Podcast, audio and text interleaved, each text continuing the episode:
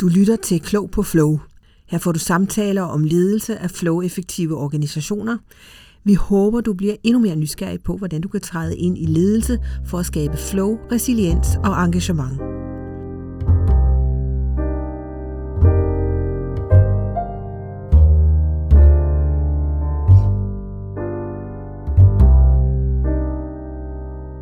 Ja, så sidder vi her igen i øh, studiet i Lydens Hus. Henrik, Pia og Ulrik er her i dag. Og øh, skal han snakke om, hvad, hvad der rører sig inden for det her med ledelse af flow og resiliens og engagement. Og øh, vi havde lige en snak, inden vi startede om, at øh, du havde noget, Henrik, du gik og puslede med, som, som vi godt kunne tænke os at starte med. Så øh, måske vil du starte med det? Det vil jeg gerne. Øh, det er sådan en, en tilbagevendende øh, lille usikkerhed omkring en klar forståelse af, for mig selv i hvert fald, hvor, hvor grænserne går imellem. På den ene side, når vi snakker om selvorganisering, det at vi rigtig gerne vil have, at vi kan, at, at, øh, at i de øh, organisationer, eller de, øh, hvad skal vi kilde systemer, vi snakker om her, at der er rigtig god plads til, at vi kan selvorganisere øh, og lægger vægt på, at vi er personer og mennesker med forskellige perspektiver og forståelser af, hvad der foregår i organisationerne, som en værdifuld, et, et værdifuldt element, hvis vi skal sige det sådan. Måske det allermest værdifulde i den måde at se det på. Og på den anden side, så, så øh, har vi også brug for at kunne tale om, hvordan vi sætter rammer for, eller skaber forudsigelighed i de omgivende systemer, som gør, at vi ikke bliver efterladt som personer. Jeg kan høre mig selv citere Deming tit og ofte, øh, ja, når han for eksempel siger, A bad system beats a good person every time. Mm. Øh, og jeg kan også høre, at når jeg siger det højt, så bliver jeg lidt i tvivl om grænsen imellem de to ting. Øh, så så det, det var, i virkeligheden er det spørgsmål her til mine øh, kloge kollegaer her. Kan, kan vi komme lidt tættere på nogle formuleringer eller nogle mm, ja, lad os bare sige formuleringer første omgang, som kan hjælpe os med i den konkrete situation, når vi står der, og, øh, og forstå grænsen. Hvad er det, der skal til for, at vi får tilpas plads til selvorganisering, og på den anden side til pla- tilpas øh, forståelse af, eller rammesætning af de omgivelser, der skal til, så selvorganisering kan finde sted. Så nu stiller du et dilemma op, Henrik. Øh, så der kunne være flere ting. En til at kunne være, at vi kunne øh, gå bag om dilemmaet. Øh, men, men for vi behøver jo ikke at acceptere præmissen. Nej, så det ikke. Øh, men måske inden at vi øh, gør det, øh, så kunne vi måske også udforske lidt, hvad er nogle, hvad er nogle manifesteringer af den her øh, problematik, som har fået dig til at tænke på det? Ja, men, men der er så jo sådan nogle... Så vi kan blive lidt klogere på, hvad der er på spil for dig i det her spørgsmål. Ja, altså jeg har lagt mærke til det, når jeg for eksempel, øh, når jeg for eksempel rådgiver omkring at passe på at ikke skabe lonely heroes i organisationen, altså at personer bliver efterladt mm. med at skulle træffe beslutninger om for eksempel prioriteringer i organisationen, eller om, om væsentlige ting, hvordan, eller, eller skulle øh, forholde sig til, til øh, hvad skal vi kalde det, urimelige eller uklare forventninger i organisationen som en person. Øh, det vi kalder lonely heroes. Og, og tit er det jo i prioriteringssammenhængen eller, eller estimeringssammenhængen, at vi bliver efterladt øh, i den situation. Og så tænker jeg, at, at det ikke kun er i de situationer, når vi siger det her med, at når vi ser lonely heroes og advarer imod dem, for eksempel. Vi kan ikke have et system, hvor vi er efterladt alene med at træffe svære beslutninger. Og på den anden side, så ved vi også godt, at det er de forskellige personers perspektiver, som er vigtige i den her øh, sammen. For eksempel omkring prioritering. Hvad er det, der er vigtigt? Kan vi, kan vi virkelig lave et system, hvor forudsigeligheden er så stor, så vi, øh, så vi kan undgå det? Mm. Så, så øh, ja, det, det er den retning, Mm.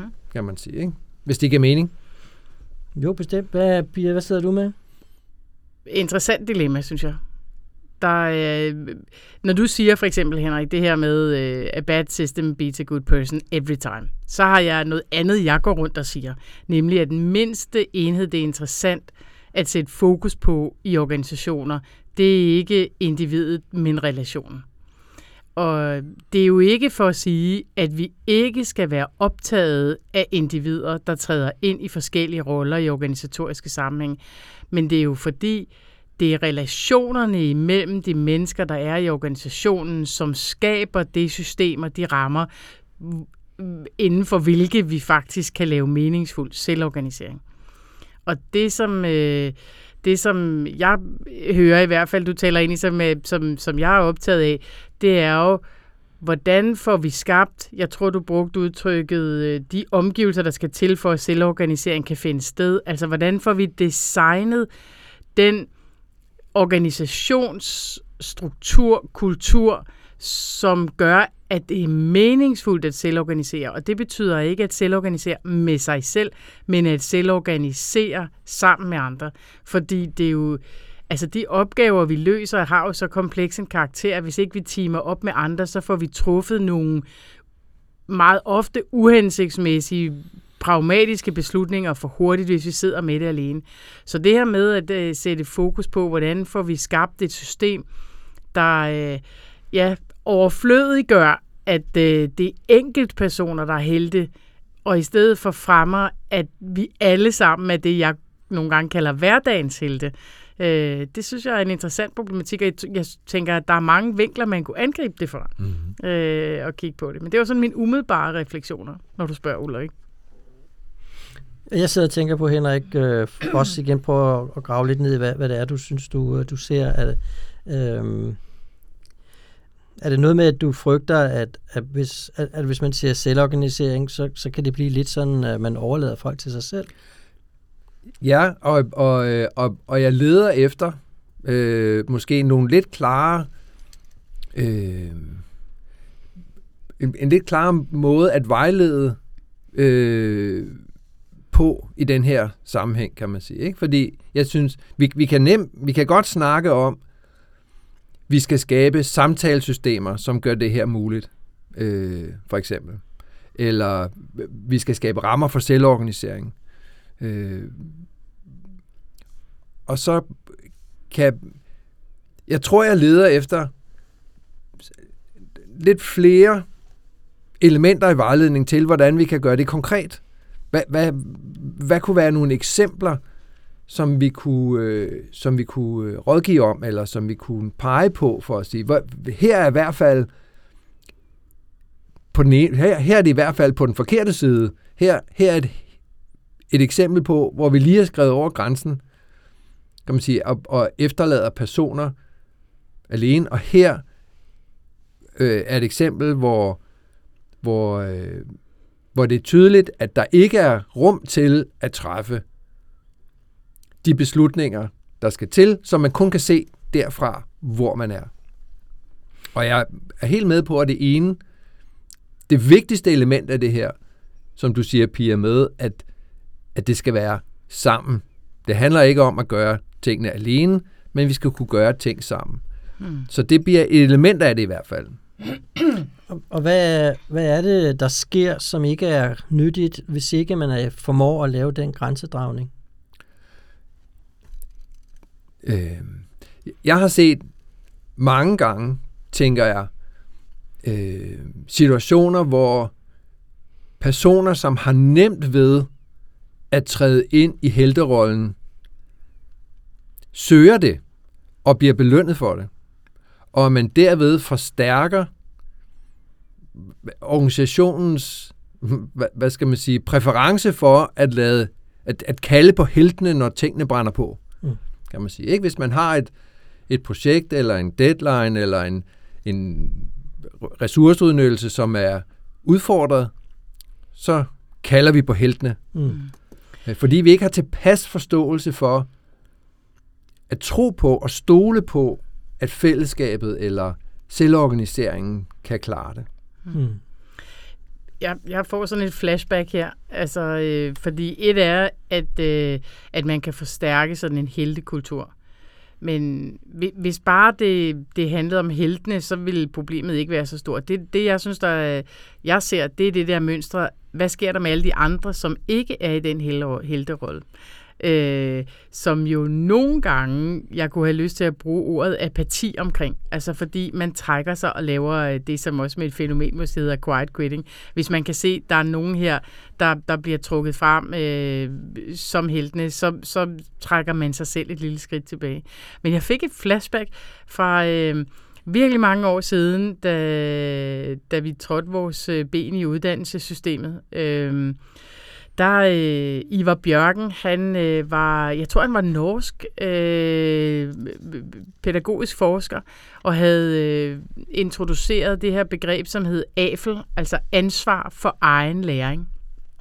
Og øh, på flere øh, videregående uddannelsesinstitutioner, hvor vi jo havde vores øh, gang, der, øh, der var der mange af underviserne, der lynhurtigt greb i den skuffe og sagde, okay, fedt, de studerende skal tage ansvar for egen læring.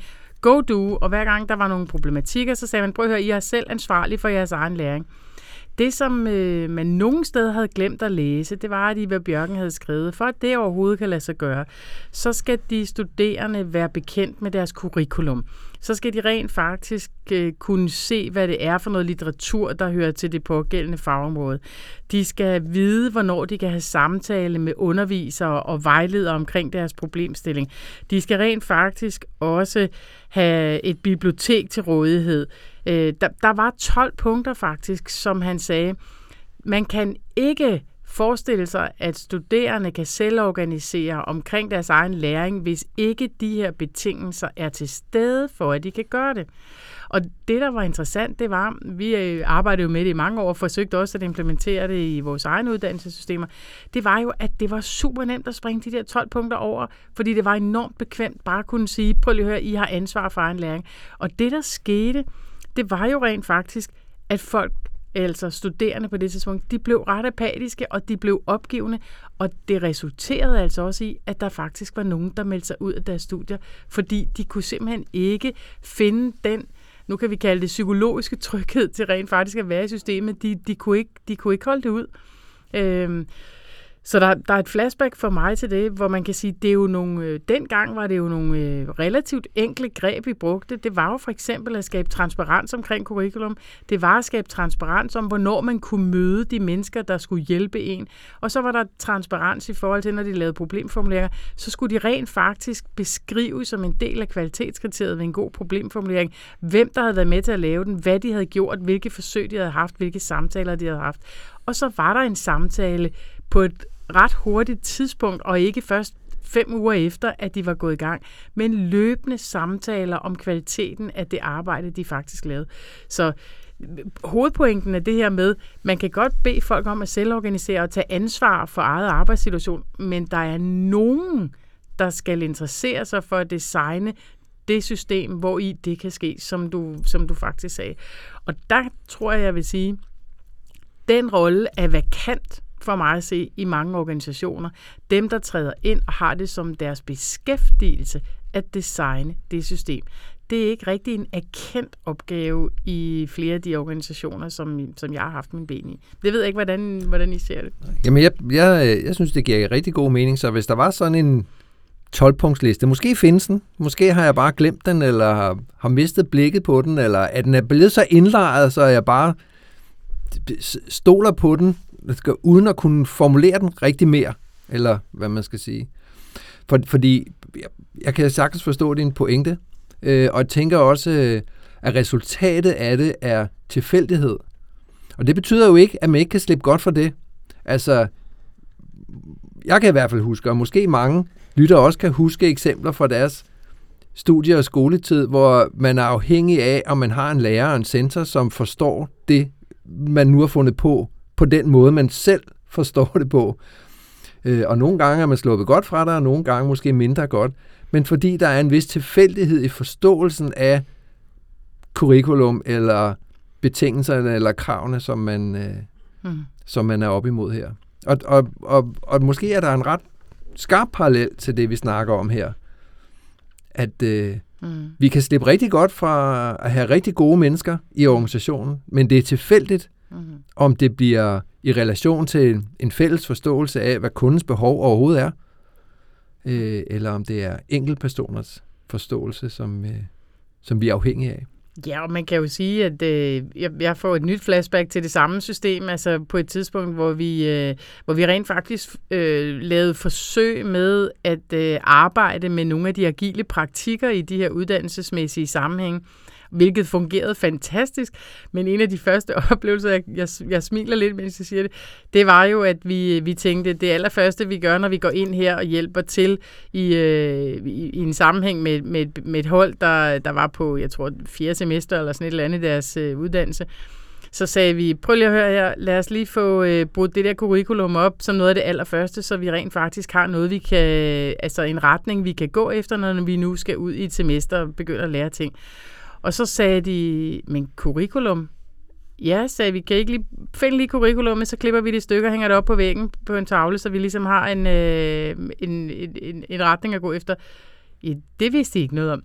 Øh, og da det var, vi så begyndte at undersøge, vi var, vi var løst ansatte på det tidspunkt, sådan, øh, som, øh, ja, bare sådan, øh, som, som støtte, så gik det jo op for os, at der faktisk ikke var nogen studerende, der kunne finde det der curriculum. Altså, jeg kan også huske, der var nogle lærere, der ikke kunne. Der var også nogle, der var også nogle undervisere, der ikke kunne.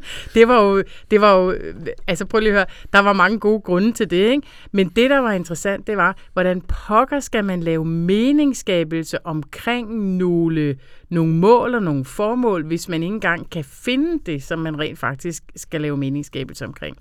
Nå, det var den ene ting. Den anden ting var, da vi så fandt det og fik det op, så, så startede samtalerne jo rundt omkring de formuleringer, hvilket betød, at der blev lavet meningsskabelse rundt omkring de enkelte målsætninger, der var både på færdigheder, på viden og på kompetencer.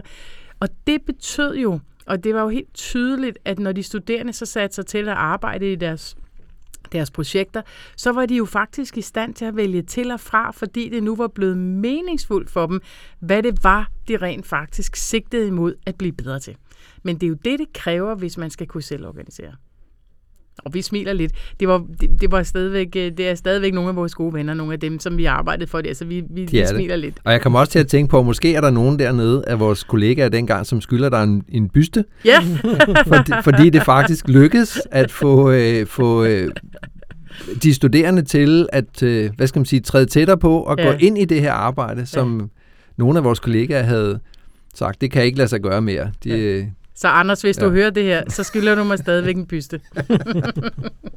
Men det er lidt interessant måske, hvis nu, nu er vi draget den her parallel, ikke? at, at øh, hvis man skulle være lidt øh, fræk, så kunne man sige, at øh, nu har vi heldigvis øh, lært af 70'ernes erfaringer med, at øh, øh, den totale frigørelse uden nogen former for, øh, hvad man på engelsk kalder enabling constraints, mm. skabende rammer, øh, fungerer ikke. Fordi det eneste, der kommer ud af det, er, at vi bliver orienteringsløse.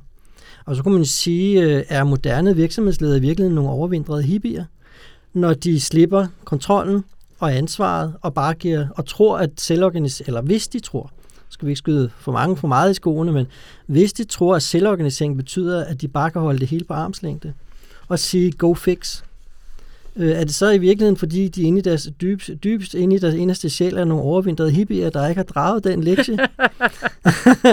øhm, Godt billede, Ulrik. og, og, og det får mig videre til at tænke på, øh, for det første jo det her med heltebilledet, øh, nu skal man passe på ikke at, at, at, at, at binde sig for til nogen bestemt skematik, men det er jo i Kanban-verdenen, der bliver det jo betragtet som et lavt modenhedsniveau. Og, og, og det betyder jo, at det også sætter øh, lave grænser for, hvad man kan præstere. Mm. Så som organisation, blandt andet fordi, som du siger, Pia, øh, hvis man føler, at der er en, der trækker læsset, og måske helst vil gøre det selv, så kan det godt være, at man trækker sig lidt tilbage. Og så er der pludselig færre, der trækker med. Ikke? Øh, så, så, så der er jo en, en ren performanceorienteret grund til at være bekymret for, for det mønster. Mm. Øh, Udover der kan også være noget øh, samarbejds- og relations, relationelt omkring det, der, der er mindre nyttigt, end det kunne være. Øh, og øh, det får mig videre også til at tænke på det her med, at, øh, øh, når man læser, og tilbage til det med ledelse, når man læser øh, linlitteraturen om ledelse, så det er jo en af de ting, de er meget kritiske over for, at da den første bølge af adoptioner af Lean kom, så havde man hørt om det der med, at der var masser af teamwork, og så sagde man bare, go fix, øh, og så skete der jo slet ikke det, som man så japanerne formå. Og hvad var en af, i hvert fald ifølge KF'erne, der taler om det, hvad var en af de ting, japanerne ikke gjorde, eller i hvert fald gjorde, som dem, der troede, de havde set mønstret, øh, forsømte, det er jo ledelse, der er dybt engageret i hverdagen. Mm. Og dybt engageret i at sikre, at vi hele tiden arbejder mod de rette fælles mål. Øh, og en stærk etik omkring det. Så det er muligt, at der er et ønske, nu talte vi sidste gang om det her med A3-systemet og, og det med mentoreringsforholdet, at der er et ønske om at bemægtige medarbejderen til på, egen, øh, på egne vegne at kunne øh, gennemføre relevante undersøgelser, når man skal møde en, en udfordring i organisationen. Men det er jo ikke sådan, at man bare er ligeglad. Der er tværtimod et dybt engagement i, ikke at fortælle medarbejderen, hvad de skal finde på, men at be- befordre deres tankeproces, så de tænker på relevante ting. Mm. Øh, så der er øh, øh, et særligt fokusområde der, der, der handler om, at, øh, at bare fordi vi kan se fordelene ved, og vi har også tidligere talt om, at jeg fik den der genopblussen af mit engagement for, for selvorganisering, selvom vi kan se en række meget væsentlige fordele ved det, så er det en misforståelse at tro, at det betyder, at der ikke skal, ikke skal være ledelse. Øh, men det er vigtigt at forstå, at den ledelse med held kan få en anden karakter. Så det er jo nogle af de ting, jeg, der, det vækker i mig, det du siger mm. der. Ikke? Så når vi snakker om samtalesystemer, så snakker vi samtidig med det om gentænkning af ledelsessystemer. Altså mm. at ledelse handler om det, vi gør sammen hver dag. Og at forudsætningen for, at det virker, er, at der er tilpas, du kalder det, øh, engagement fra, fra ledelsens side, eller fra topledelsens side. Ulrik, man kunne også sige, der skulle være tilpas indsigt i, hvad skal man sige, de, de overordnede strategier eller mål, som vi kan forbinde os til, når vi skal træffe svære valg i fællesskab der, hvor vi nu er. Og det er jo ganske vanskeligt mm. øh, at få til. Og, og ikke mindst jo, fordi vores kultur og grundforståelse af, hvordan vi organiserer os omkring ledelse, ikke rigtig understøtter det her. Så det er, det er noget med vores sprogbrug omkring, hvad er det, vi siger helt konkret, når vi møder udfordringerne i organisationerne, når vi ser det? Hvad er det for nogle gode råd, vi giver, som er konkrete nok til, at, øh, at det kan gøre en forskel, eller at nogen kan, kan gøre nogle forsøg i den her retning. Mm-hmm. Og, man, og man ikke bliver alienated, eller lidt skræmt af det måske. Mm. Eller tænker, det er ikke relevant for os. Ja. Mm. Altså, jeg sidder bare og tænker, at det, det tema, jeg godt vil tage op, det ligger så meget godt i forlængelse af det her.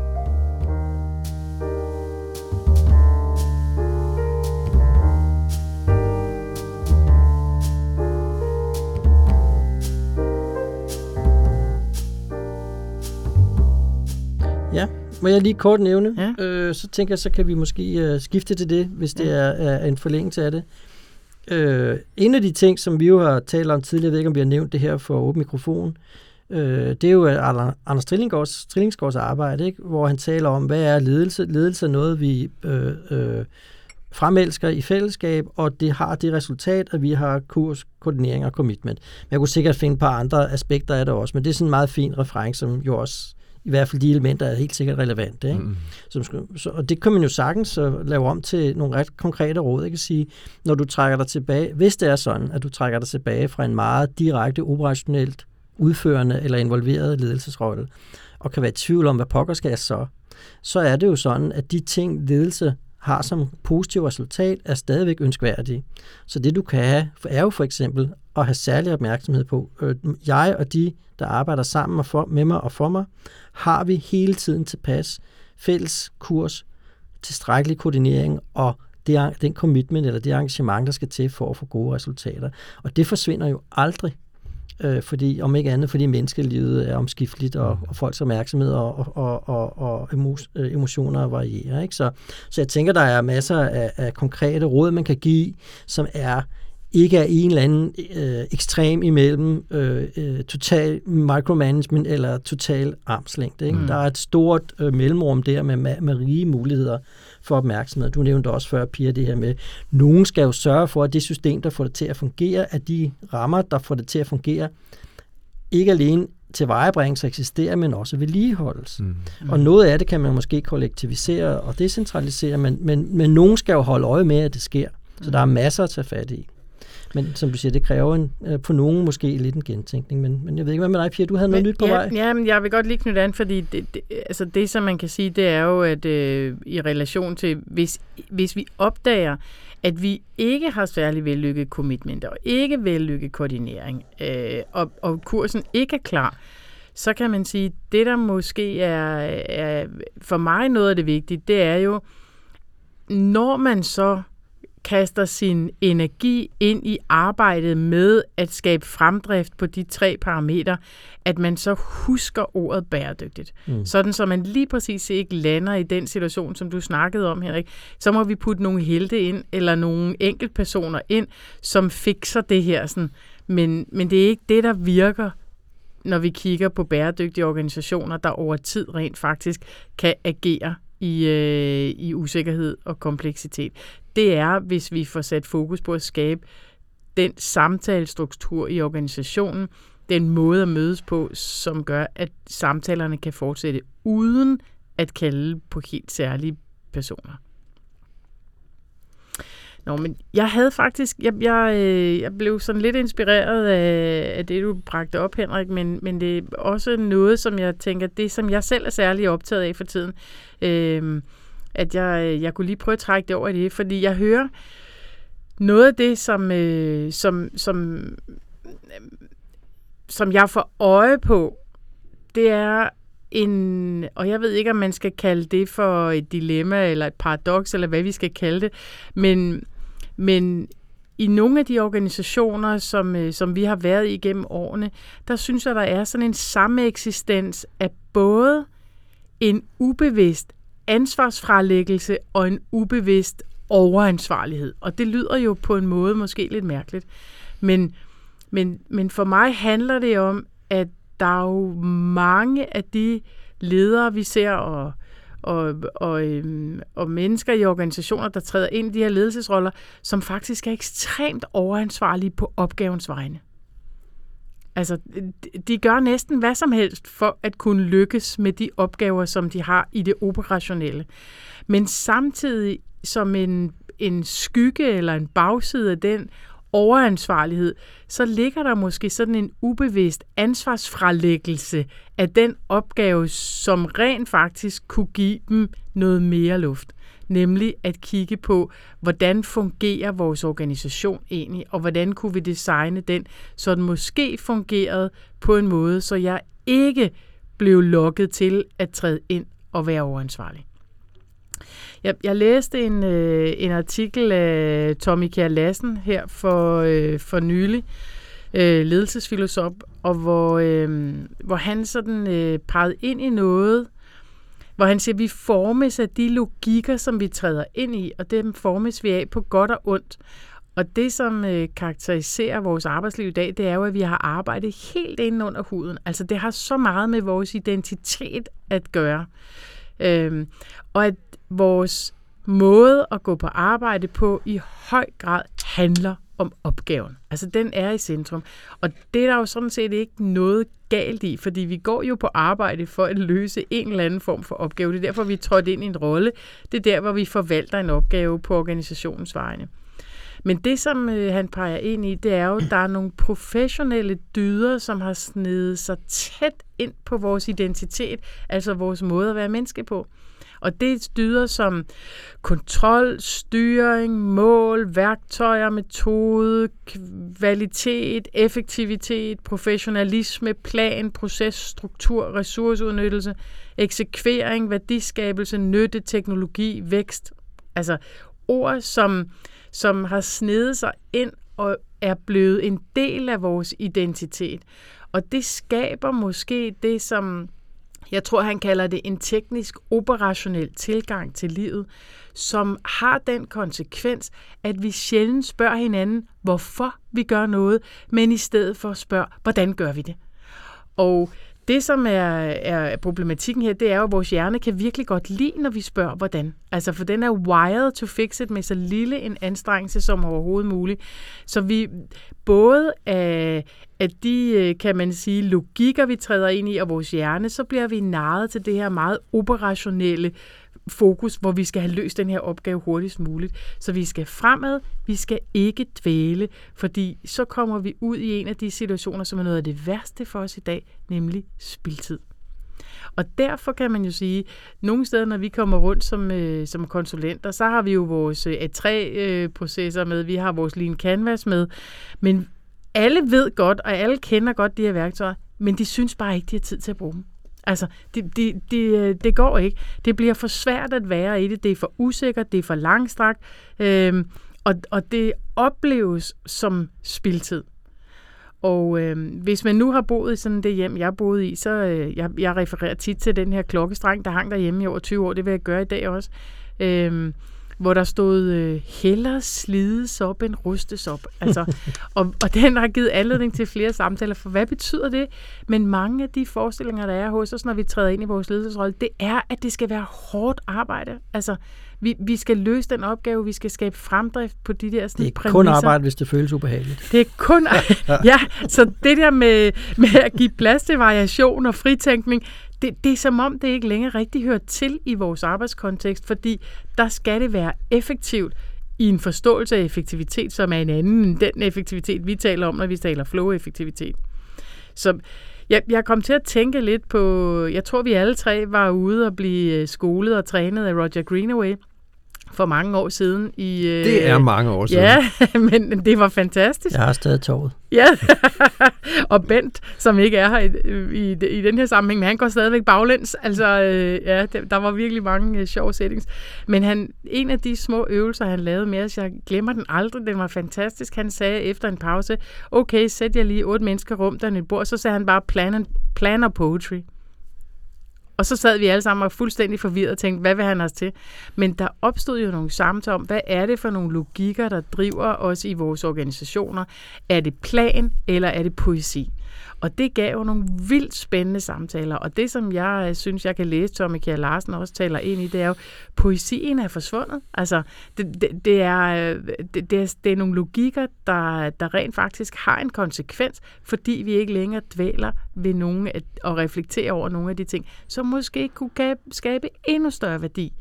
Ikke bare lige nu og her, men faktisk også øh, på sigt ved at skabe organisationer, hvor der er plads til både mennesker og meget effektiv opgaveløsning. Mm. Nå, det, det, var, det er noget af det, jeg har været optaget af. Ja. Resonerer det med noget? Bestemt. Jeg hører, du siger, at uh, sproget sætter grænser for, hvordan vi kan tale om kvalitet i den værdiskabelse, vi laver helt generelt i vores organisationer. Mm. Og det lyder faktisk lidt scary, mm. hvis det er tilfældet. Ikke? Mm. Ja. Jeg tænker, en huskekage omkring det her kan være, nu, nu skal vi være lidt øh, diskrete med bestemte øh, indikationer af, hvem det nu kunne være. Men vi har jo oplevet øh, en øh, mellemleder i en virksomhed, vi arbejder sammen med, hvor man kan sige, noget af det bedste, der skete i hans ledelsesliv, det var jo, at han blev alvorligt syg. Ja. Øh, og øh, hvad det hedder, som jeg har forstået historien, øh, så øh, heldigvis øh, blev han rask igen, men han blev så alvorligt syg og var væk i en længere periode, øh, og havde før det været meget direkte involveret i hverdagen, og det operationelle og opgaverne og, og var så selvfølgelig bekymret, øh, lå der på sygesengen og var øh, ikke kun bekymret for sit eget helbred, men også for, hvordan det dog skulle gå hjemme i afdelingen. Og måske vil en af jer fortælle, øh, hvad der faktisk skete hjemme i afdelingen.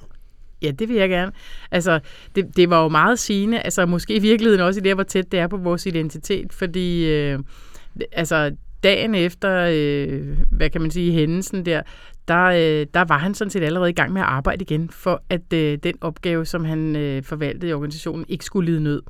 Øh, der var heldigvis nogle af hans øh, chefer, som rent faktisk tænkte rigtig, rigtig klart og fratog ham for alt, så det, han faktisk fik forbud mod overhovedet at tænke på arbejde. Men da han kom tilbage igen, der, øh, der, han havde været der ganske få dage, og så oplevede han faktisk, at hans øh, medarbejdere kom og sagde til ham, at de synes aldrig, at han havde været en bedre leder. Altså, han, øh, han havde ikke blandet sig i det operationelle, og, øh, og den måde, som de havde fået ting til at ske på, det var jo sket på eget initiativ, så de havde været nødt til at træde ind, fordi han var der ikke til at redde dem, og han, øh, han var der ikke med al den historik omkring alle hans kompetencer, for dem havde han virkelig. Men det, at han ikke havde været der, det havde været et relief for dem.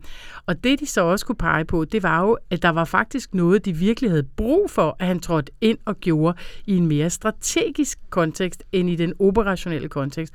Og faktisk var det jo det, han havde allermest lyst til at lave, så det var jo en ekstremt lykkelig situation, at teamet fik øje på, fordi han ikke var der som helten, eller den, der vidste alt muligt, så trådte de ind, så selvorganiserede de sig, og da han kom tilbage, så fik han tid til at lave de opgaver, som han synes var mest spændende. Så han havde selv faktisk, da han kom tilbage, aldrig nogensinde haft så dejligt et arbejde, og han kunne lide det fra morgen til aften. Og han var ikke presset.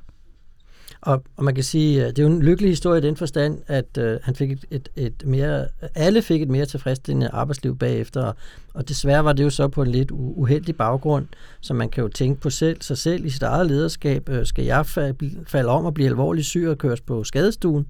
og lægges på. Jeg tror også, der var en kort ophold på intensiven, mm. for at det, jeg kan formå at frigøre mig fra nogle af mine, øh, kan man sige, øh, mindre hjælpsomme tankemønstre i mit lederskab. Øh, det er måske værd lige at, at give sig selv som en lille huskekage, øh, forhåbentlig før det sker. Men der er også et andet aspekt, jeg tænker, som jeg husker af den historie, det var jo, at der var nogle forudsætninger, der var på plads. Mm. Og en er jo, at det her det var et meget, meget hjerteligt og, og elsket menneske, mm. der var meget vældigt. Ja. Øh, så der var en meget stor sympati, og derfor også en stort ønske om at træde ind, og at det ikke ligesom skulle gå i professionel forstand, gå ud over øh, vedkommende, at han nu var blevet alvorligt syg også. Øh, og så var der jo en tilstrækkelig forståelse blandt medarbejderne for, hvad det var, der var det ønskede. Mm. Så de havde retning, de vidste, hvad de skulle gøre, i hvert fald nok i den periode til, at de kunne klare den selv. Og så var de jo, havde de jo haft mulighed for at udvikle deres kompetencer. Ja.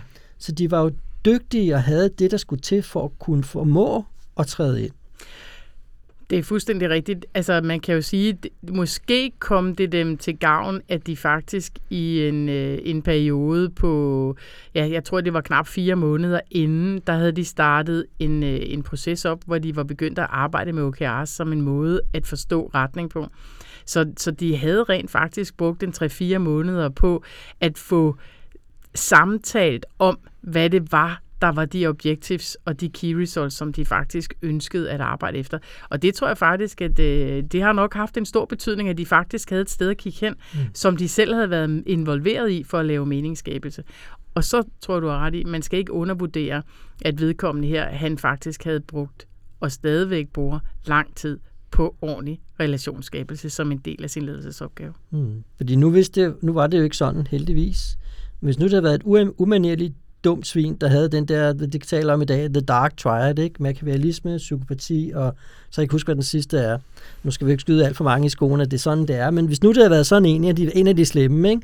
så er jeg ret sikker på, at så var vedkommende kommet hjem til kaos. Mm, ikke? Det er fuldstændig rigtigt. Øh, så der er nogle vigtige, tænker jeg, læringer i praksis af, at, mm. hvordan kan man måske i det her tilfælde, måske ikke med, med henblik på at planlægge sit eget fravær, men hvordan kan man medvirke til at skabe en situation, så det ikke er så alvorligt, hvis man personligt i en periode, eller måske øh, mere permanent, ikke, ikke har mulighed for eller ønsker at være så direkte involveret i det, der i virkeligheden er medarbejdernes arbejde. Ikke? Men du rører ved noget helt eksistentielt angst jo her, Ulrik. Jeg kan mærke det, ikke? fordi et er, at vi faktisk øh, skal forlige os med, at vi en eller anden gang skal dø. Ikke? Altså, at vi ikke er i verden mere, og verden, den er der alligevel. Ikke?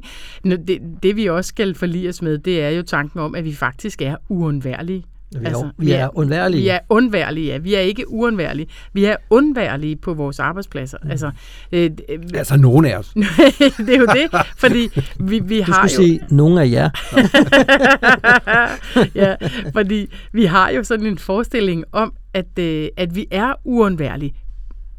Men det er vi ikke. Men den erkendelse, den kan jo være virkelig, virkelig barsk, og vi kan jo opretholde forestillingen ved rent faktisk at, at putte os selv i nogle situationer, eller blive inviteret ind i nogle positioner, som vi takker ja til, som får os til at føle, hvor, hvor betydningsfulde vi er. Mm. Øh, og jeg skal ikke sige mig fri for ikke Nå, også jeg kan godt lide at være helten. Det skal ja, der ikke være Jeg kan også godt lide at være helten. Der er grund Men- til, at det er så stærkt et mønster Det i er vores så tanker. stærkt. ikke? Ja, men vi skal måske prøve at se, om vi kan gøre os fri af det. Jeg kom til at tænke på for nylig, øh, inden jeg lige vil øh, høre med Henrik, hvordan han tænker status på hans emne er. Øh, et lille tip, som jeg lærte dengang jeg først begyndte i, i al beskedenhed på frilufts, friluftsliv. Øh, hvor jeg var meget interesseret i, hvad gør man, hvis det går helt galt, og nu øh, befær- færdes jeg mest i de danske skove, så der er trods alt grænser for, hvor galt det kan gå. Øh, men det, det er jo mere interessant, hvis man ligesom ser det med store dramatiske øjne. Så, så der lærte jeg sådan en lille øh, forkortelse, som man skulle øve sig på, så man kunne blive vækket op midt om natten, så ville det først være, at man sige, det var det. Og det er stop. Og det er jo så en for, her en for, øh, eller det er et akronym, hvad hedder det på dansk? Et akronym. Det står for, ja, S'et står, og det handler om, at når man mærker, at man er ved at miste kontrollen, når tingene er ved at løbe øh, ind af hende, og det kan jo være på arbejde, at man bliver overvældet af sin øh, pligtfølelse og sit engagement i, i det operationelle, så er akronymet som følger, stop.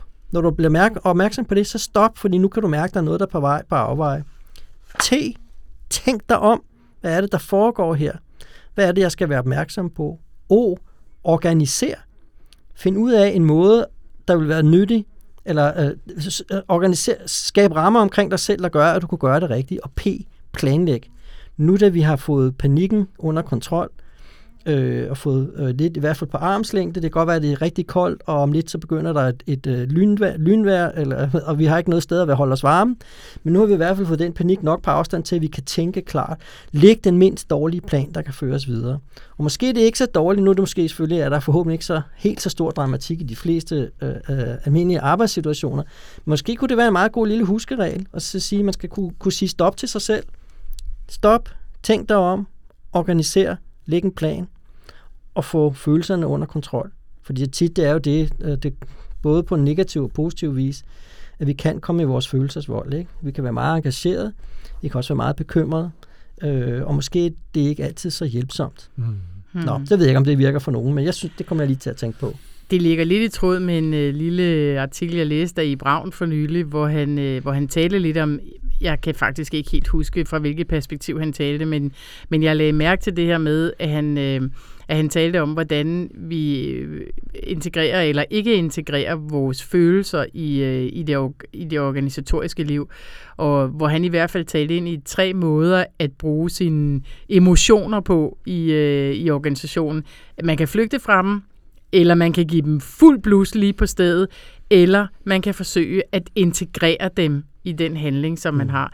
Så det her med at komme derhen, hvor man ikke altså flygter fra det og siger, prøv lige at høre, alt er godt, lynet slår ned alle vejen rundt omkring, det er lige meget, alting bliver super fint, eller fuld blus, total panik i de der situationer, men at kunne komme hen til det sted, hvor man siger, hey, der er faktisk en måde, jeg nu skal lige fornemme, hvad er det for en emotion, der faktisk er til stede hos mig i den her situation, og så skabe mellemrummet imellem impuls og handling, så man faktisk er i stand til at reagere og integrere den emotion i den pågældende situation, så man kan handle klogt og ikke hurtigt. Mm. Nå, det var... Øh, God point, fordi, så, øh, fordi øh, følelsen kan være reel nok. Ja. Ikke? Vi kan være bekymret, vi kan være bekymret for, om tingene nu kommer til at gå, som vi håber, og det kan være en meget velbegrundet bekymring. mm. Vi kan synes, det er helt fantastisk spændende og storslået, det vi er i gang med, så vi næsten ikke kan give slip, og Mm. det kan jo være helt velbegrundet. Men hvis vi giver os det for meget i vold, så er det muligt, at vi kommer til at træffe beslutninger, der ikke er så gode for os, som, som vi, kunne, vi ellers kunne gøre os håb om. Ikke? Mm.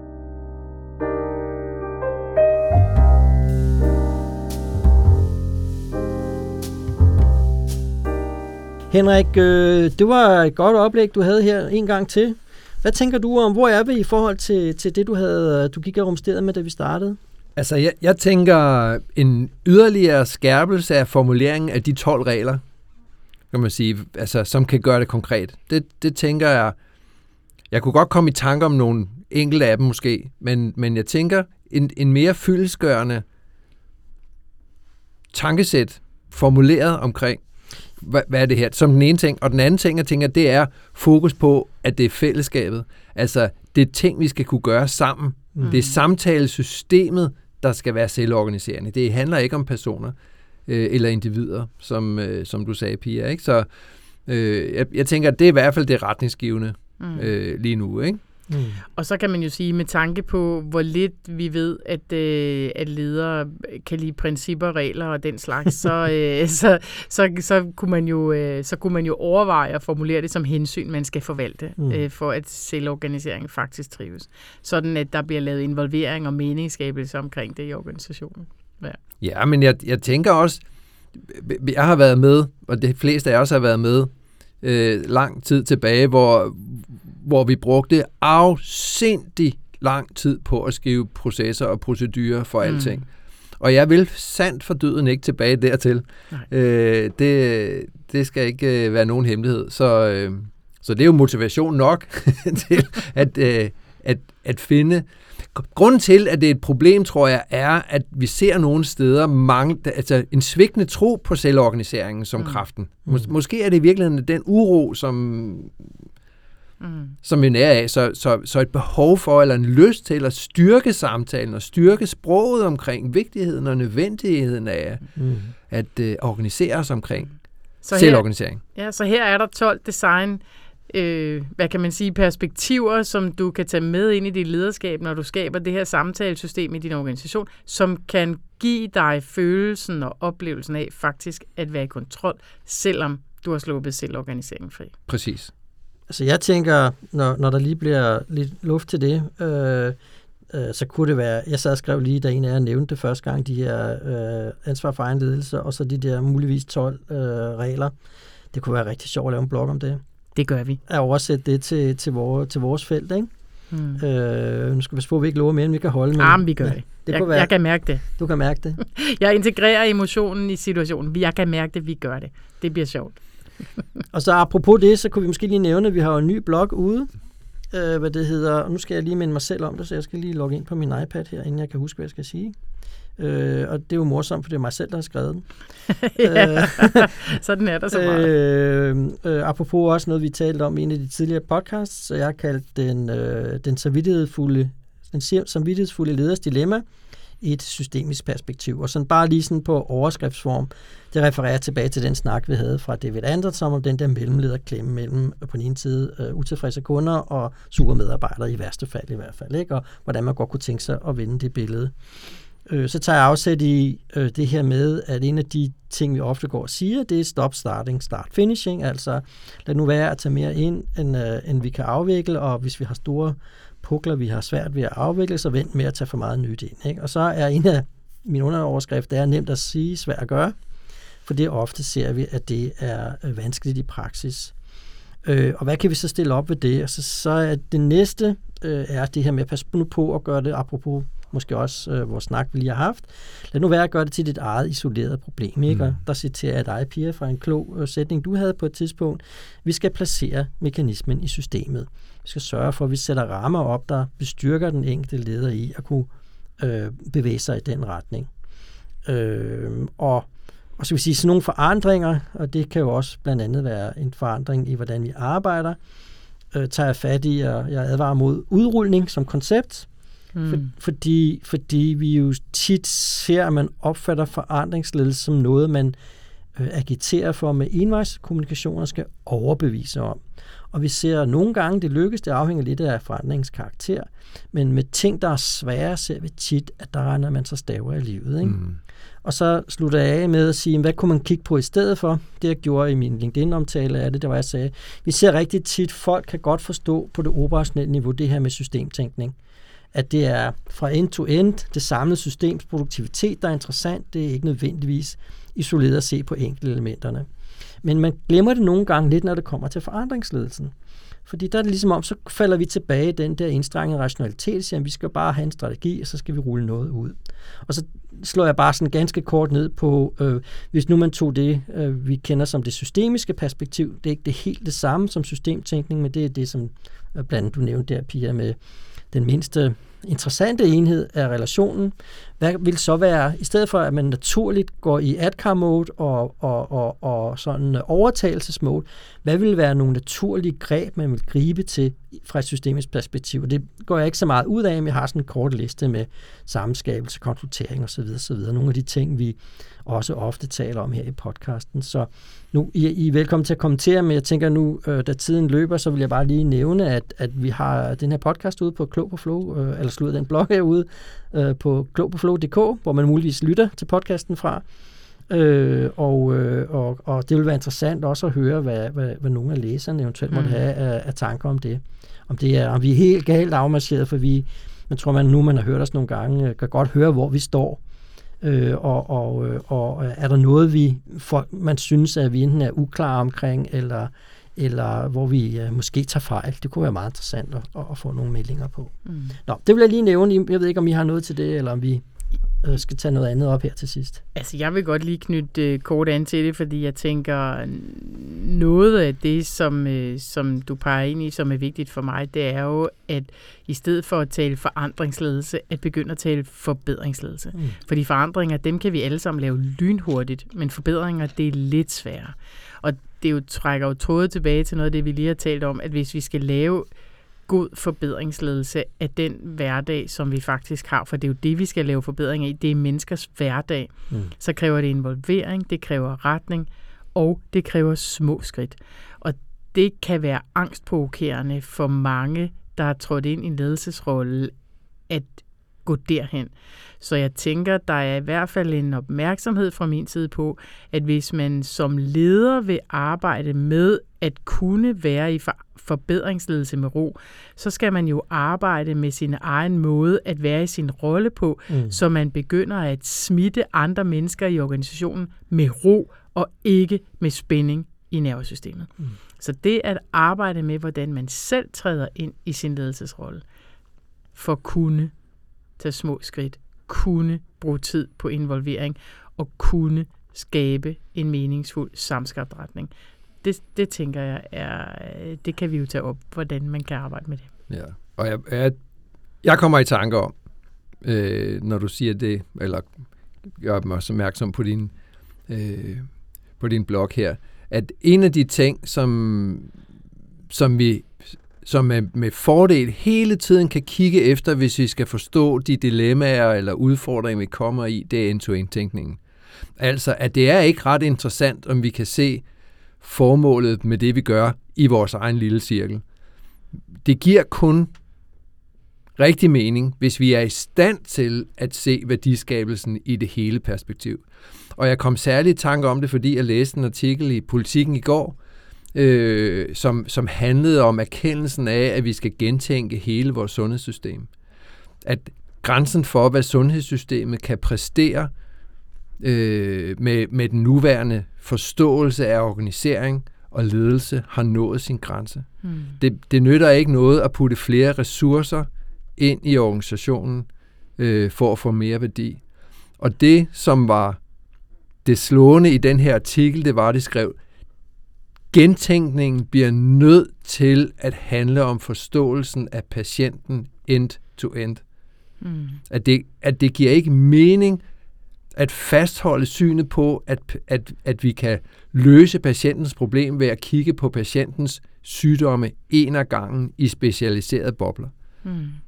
Det er umuligt at tilfredsstille behovet med de ressourcer, der findes i verden af den vej. Så vi skal gentænke. Og det interessante her var, at de også havde erkendt, hmm. at det er patientens vej igennem systemet, som hmm. er nøglen til at forstå det her. Og det er en vanskelig vej. Og når vi snakker ledelsesudvikling, så er der den kæmpe store barriere, at vores hjerner kan allerbedst lide at tænke i små bitte siloer, i stedet for at tænke end-to-end, for det er meget nemmere for os. Men det må vi tage op en anden gang. Ja, jeg tænker, hvis jeg skulle, inden øh, vi lukker af her, komme med et glad budskab. Øh, det jeg håber, at, at vores øh, lyttere har, har, kan have ud af noget af det, vi snakker om her, det er, at ja, vi har nogle gange vores sind og vores, øh, vores kultur øh, imod os, vores biologi imod os, men der er masser af ting, vi kan gøre. Mm. Der er masser af ting, øh, konkrete knep, vi kan gøre. Der er masser af konkrete tankefigurer, der kan hjælpe os. Og det håber jeg, at øh, I er enige om, og nogle af vores lytter måske også er enige om. Og det, det er jo det, vi prøver at tage op her. Så vi ikke øh, bliver fanget i et bur af omstændigheder, som vi tror, vi ikke kan lave om på. Ikke? Mm. Og så skal man huske at gå en tur i skoven, eller gøre noget andet, bare fordi det er dejligt. Eller husk bare at starte med at trække vejret. Og tænk en gang, at så vi har muligheden for ja. at gå en tur i skoven. Ja. Det kan vi glæde os over. Skal vi ikke sige, at det var det for i dag? Tak for gode øh, spørgsmål. Ja. Tak for, øh, tak for hyggelig samvær. Hmm. Og på gensyn næste gang. Fortsæt god dag.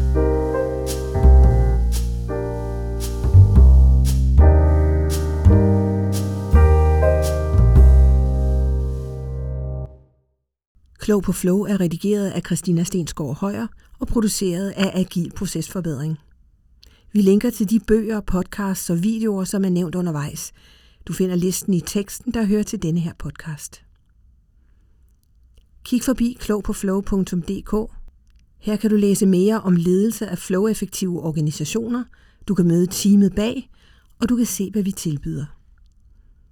Hvis du har spørgsmål eller feedback til Henrik, Ulrik og Pia, så send en mail eller skriv til os på LinkedIn.